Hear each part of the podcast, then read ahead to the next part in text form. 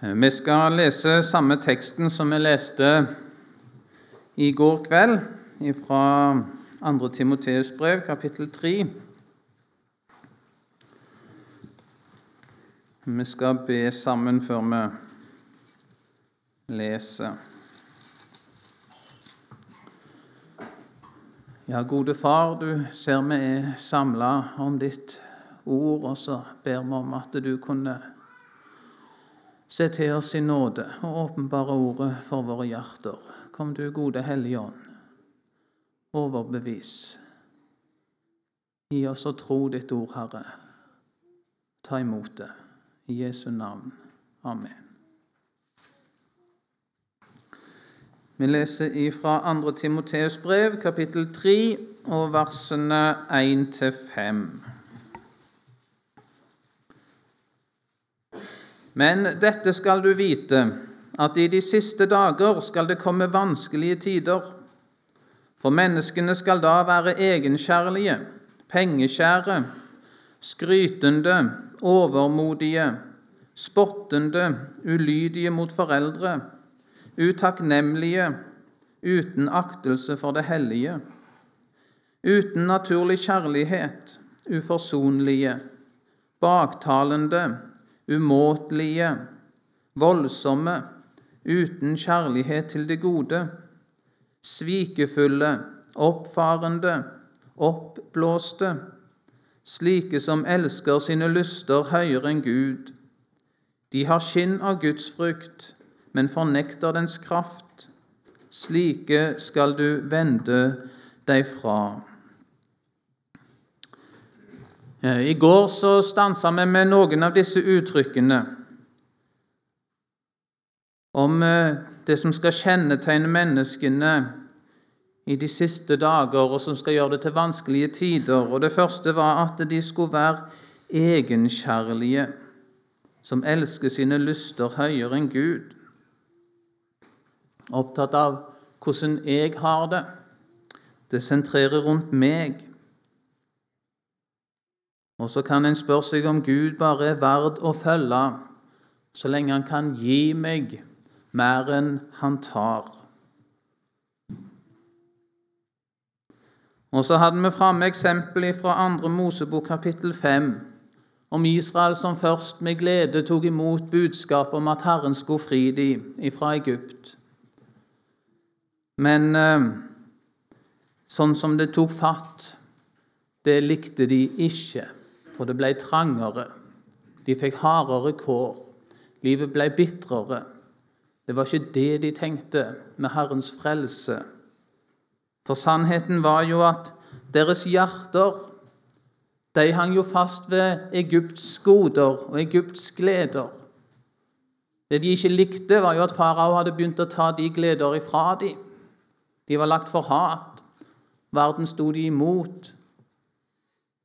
Men det var dog verdens gleder de lengta etter i sitt hjerte. Og når Herrens vei gikk gjennom trangere og vanskeligere tider, ja, så sto de hans hendebud imot. Sånn skulle de kristne være i de siste dager.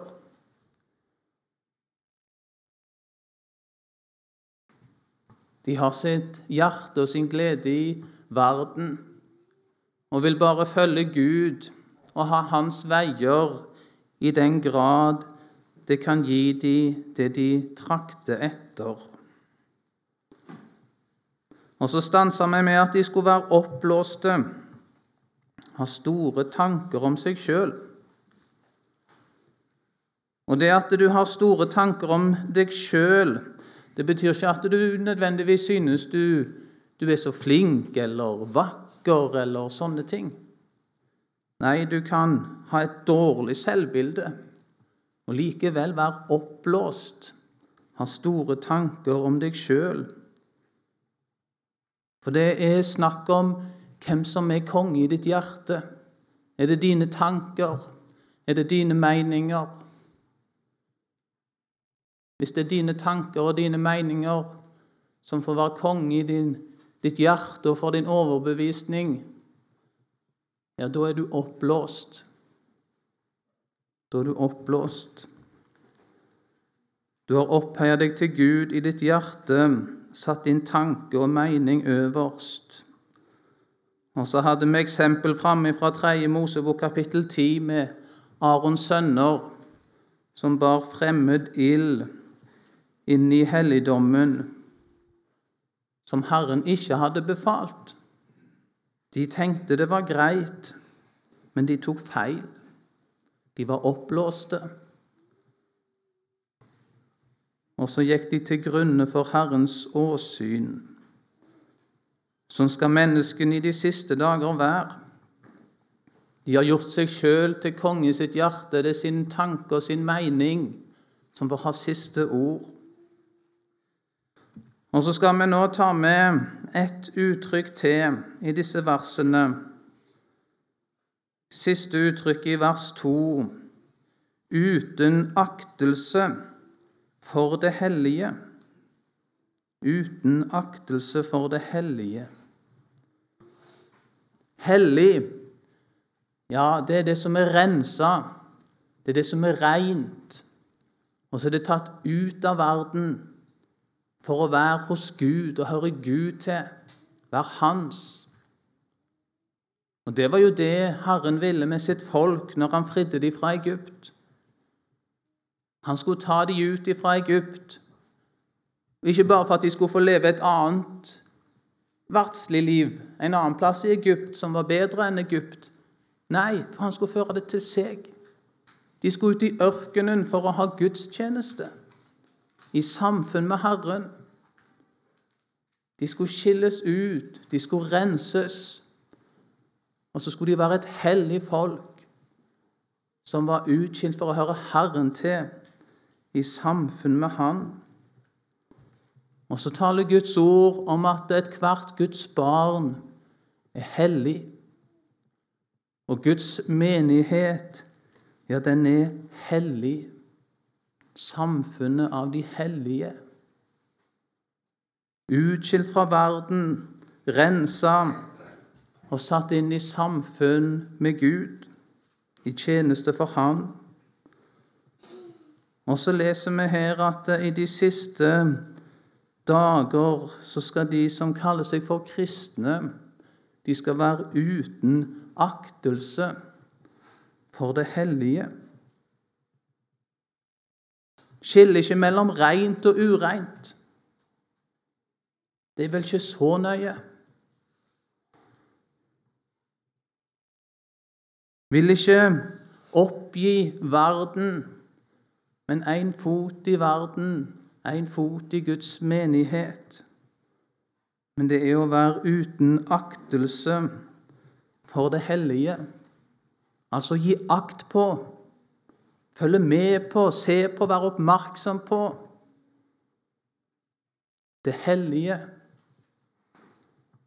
Og Vi skal ta med et eksempel fra Israel og utgangen der òg. Da skal vi til 4. Mosebok, kapittel 25.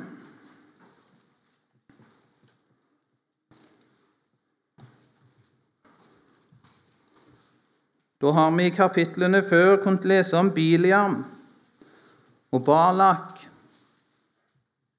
og hvordan Guds folk er trygg og seire, for fienden kan ikke gjøre de noe.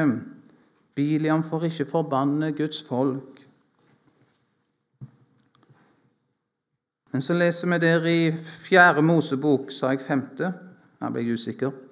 Eh, I hvert fall Fjerde Mosebok, kapittel 25. Så leser vi at mens Israel oppholdt seg i Sittim, begynte folket å drive utukt med Moabs døtre som innbød folket til offermåltidene for sine guder, og folket åt og tilba deres guder. Israel holdt seg til Baal Peor. Da ble Herrens vrede opptent mot Israel. De tenkte jo de var Guds folk. Hadde vel ikke slutta å være det.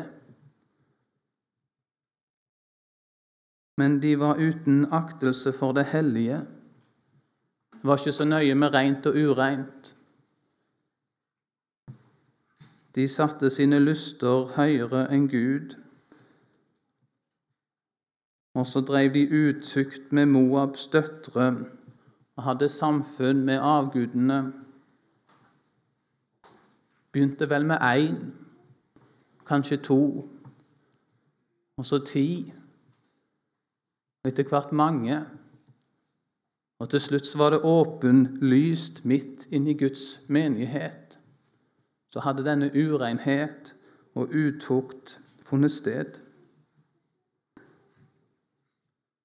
Og Jeg sa i går at vil du lære om hvem han er, den Gud som frelser, den som gjenløser og frir ifra verden og synden og fører deg over til liv og salighet hos Gud. Vil du lære om hvem han er, og hvordan han er, ja, så skal du lese nøye om utgangen fra Egypt og vandringen i ørkenen. Og det er en ganske Jeg vet ikke hva ord jeg skal bruke, men det er jo ganske voldsomt, det vi møter fra denne gjenløser. Må jo si det.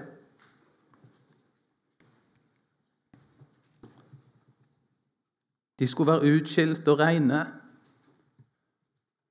Og så hadde urenheten fått rom midt i Guds folk, og Herrens vrede ble opptent mot Israel.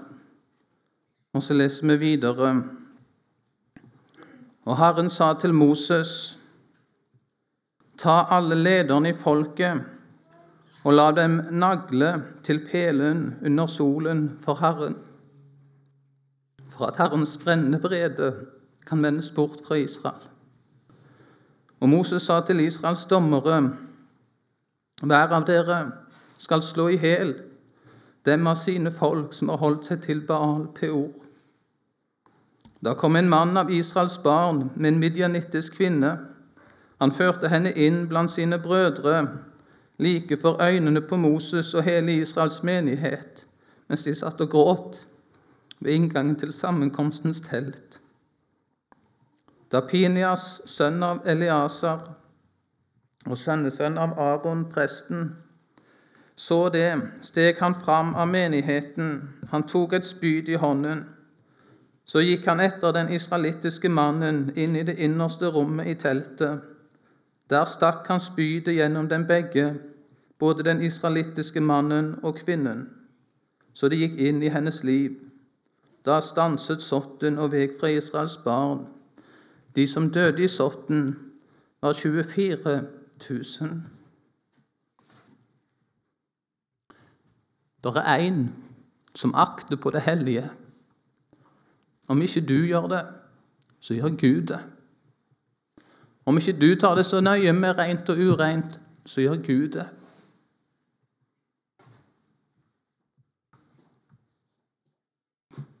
Og hva er denne nidkjærhet? Hva er denne brann hos Herren? Jo, det er jo først og fremst kjærlighet. For han vil frelse. Han vil rense og hellige og fører hjem.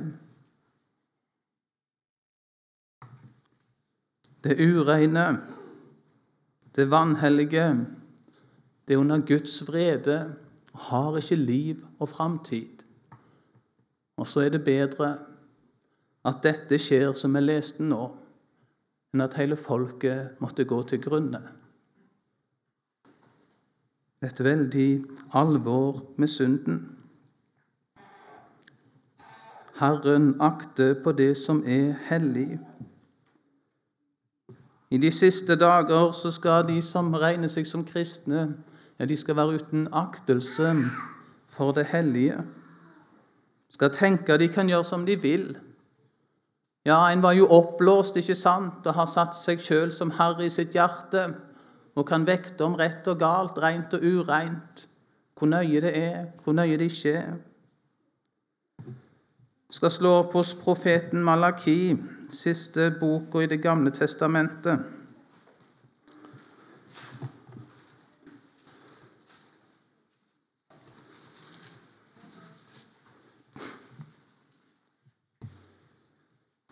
kapittel 3 og vers 1.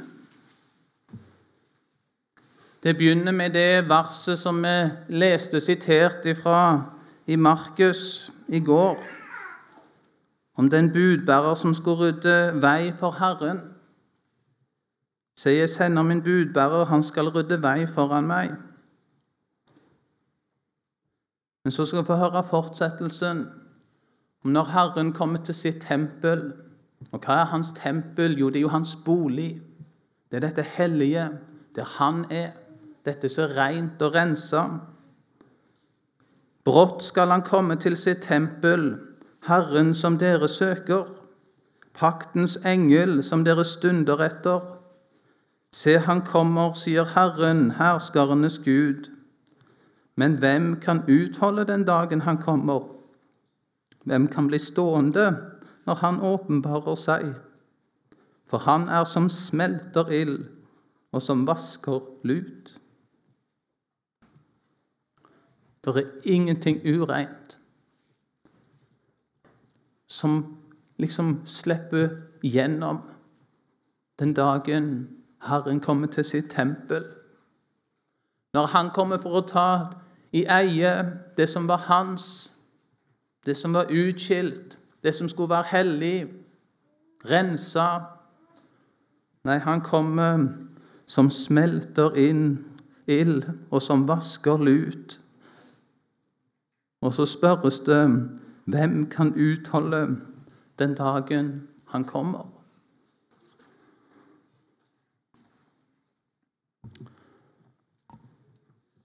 Det var denne veirydderen Han som skulle rydde vei for Jesus.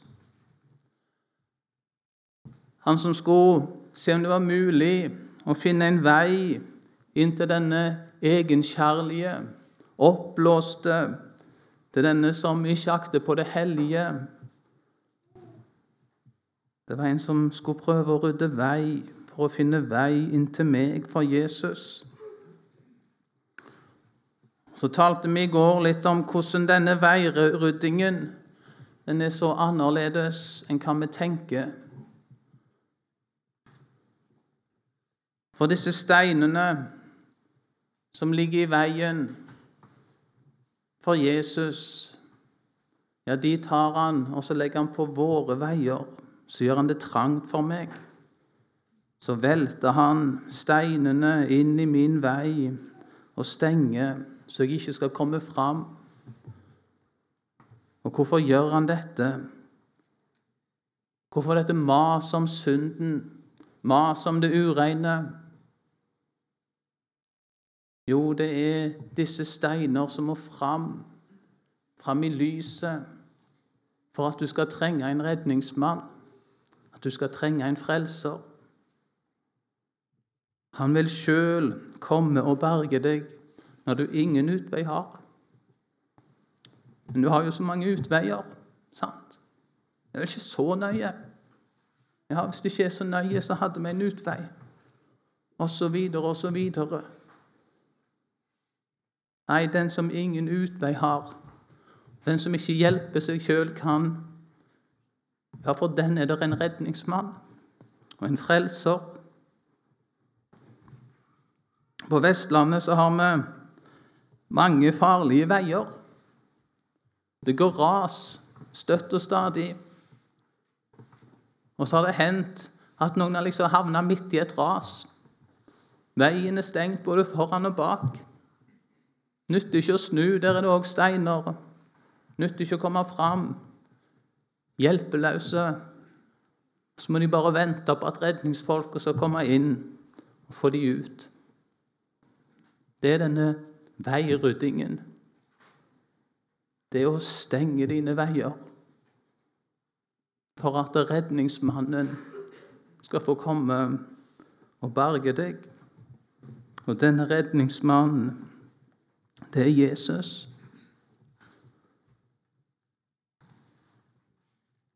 Tilbake til 2. Timoteus kapittel 3 og vers 5.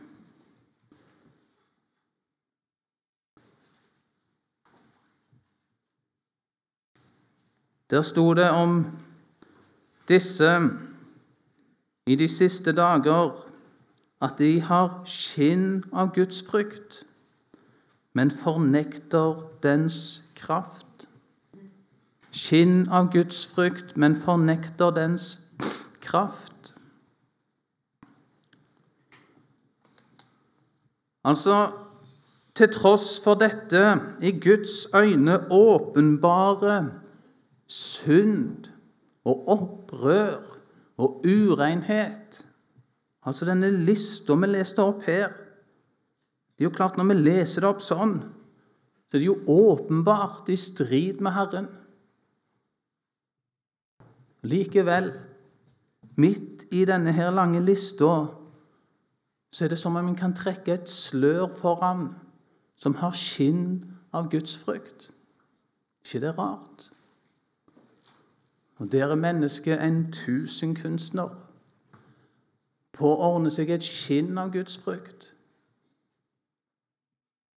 Og Det skinnet det tilpasser vi alt etter hvor vi er, og hvem vi er med.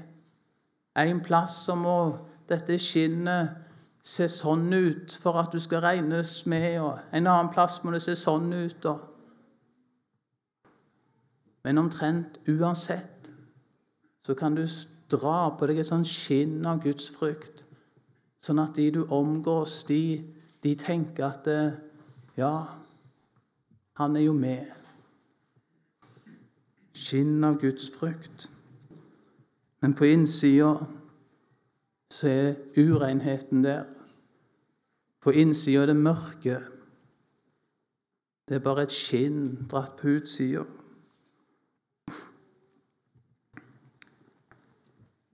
For de fornekter gudsfryktens kraft. Hva er det for noe? Jo, gudsfryktens kraft, det er dens kraft til å frelse, til å rense, til å sette i frihet, til å føre i lyset, til å bringe til Jesus og sette hos Han. Det er Guds fryktens kraft. Tar vi fra Jesaja kapittel 1.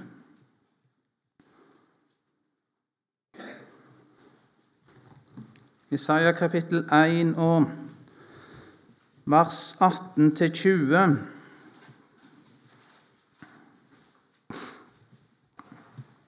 Der taler Herren nettopp til et sånt folk. Vi kunne lest versene før. Og Der òg er det ei liste med mørke og synd og elendighet. Og så tales det til dette folket.: Kom, og la oss gå i rette med hverandre, sier Herren. Om deres synder er som purpur, skal de bli hvite som snø. Om de er røde som skarlagen, skal de bli som den hvite ull. Dersom dere er villige og hører, skal dere ete landets gode ting. Det er en kraft, en kraft til å rense, til å sette i frihet, at synder som er som purpur, skal bli hvite som snø. Om de er røde som skarlagen, skal de bli til den hvite ull. Dersom dere er vilje og hører, skal dere ete landets gode ting. Det er en kraft. Men er dere uvillige og gjenstridige, skal dere bli fortært av sverdet, for Herrens munn har talt. Hvem kan tåle hans komme? Hvem har tatt imot denne gudsfryktens kraft, som kan rense, sette fri, føre til Jesus? Dersom dere er villige og hører, men er dere uvillige og gjenstridige? Og så skjønner vi at sånn skal det være i de siste dager. De er uvillige og gjenstridige de har skinn av Guds frykt, men fornekter dens kraft. Ordet har ikke fått rense, ordet har ikke fått bli til liv. Ja, hva er Guds frykt? Ja, Guds frykt det er nå å ta Gud på ordet. Hvis det er noen du har aktelse for, noen du respekterer, noen du frykter, ja, så hører du vel etter hva de sier, gjør du ikke det? Tar imot det de sier, tar de på ordet. Det er jo det Herren vil, dersom dere er villige å høre. Frykter du meg så mye, sier Herren. Frykter du meg så mye at du hører hva jeg sier og tar imot mitt ord? Det er ikke noe mer han vil av deg. Å frykte Gud, det å høre og ta imot Hans ord. Første Timoteus, kapittel 3, og vers 16. Der står det om Guds fryktens hemmelighet. 1. Timoteus 3, og vers 16. Og det må alle bekjenne. Stor er den Guds fryktens hemmelighet.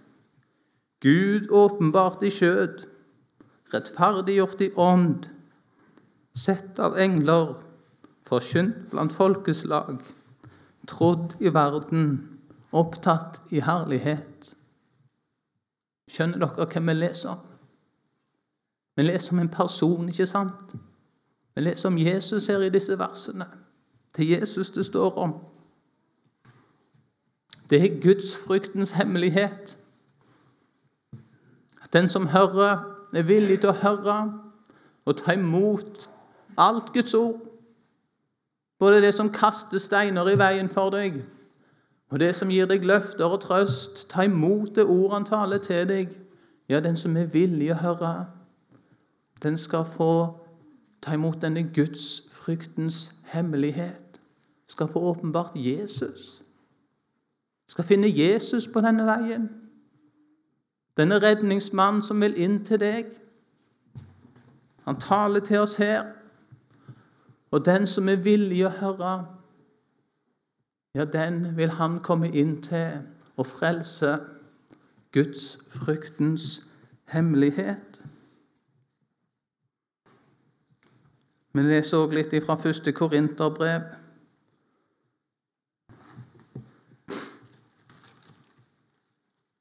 Kapittel 1.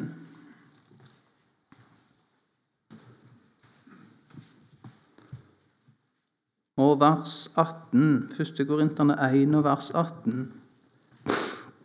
For ordet om korset er vel en dårskap for dem som går fortapt. Men for oss som blir frelst, er det en Guds kraft. En Guds kraft. Det er denne gudsfryktens kraft til å rense, til å frelse, til å sette i frihet. Ordet om korset. Ja, en dårskap for den som går fortapt. Den som hadde trukket for et skinn av Guds frykt og som hadde nok med sine egne veier. Ordet om korset forstår seg ikke på det. Men for den som alle veier er stengt for, er det et saligere ord enn for å høre ordet om korset. Vi leser litt videre fra vers 27 i 1. Korinter 1.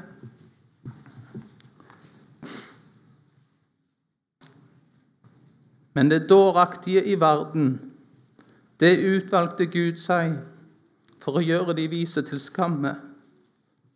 Og det som er svakt i verden, det utvalgte Gud seg for å gjøre det sterke til skamme. Det som er lavt i verden, og det som er foraktet, det utvalgte Gud seg. Det som ingenting er, for å gjøre det til intet som er noe for at intet kjød skal rose seg for Gud. For det er Hans verk at dere er i Kristus Jesus, Han som for oss har blitt visdom fra Gud, rettferdighet og helliggjørelse og forløsning, for at, som skrevet står, den som roser seg, han roser seg i Herren. Det er et sted hvor du er fri. Fri fra deg sjøl. Fri fra ditt selvliv. Fri fra ditt mørke. Det er ved Jesu kors. Ord om korset. Du er korsfesta med Han. Du er død med Han. Og så er Han mitt liv. Han er min rettferdighet. Han har båret min synd. Han har tatt min skyld. Han har gjort det opp. Ja, han er veien. Han er sannheten. Han er livet. Ordet om korset. Der er du rik. Ja, ikke på verdens gleder. Ikke på framgang og lykke her i livet nødvendigvis. Men du er rik i Han. I himmelens salighet. Alt Han eier, det er ditt. Vi skal òg ta med noen vers fra Jesaja 35.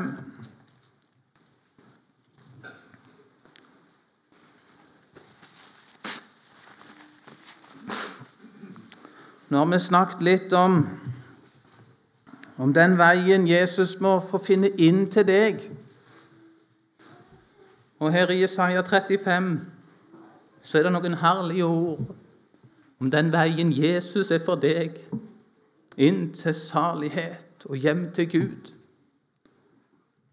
Og Vi tar med de siste versene der i Isaiah 35, fra vers 8.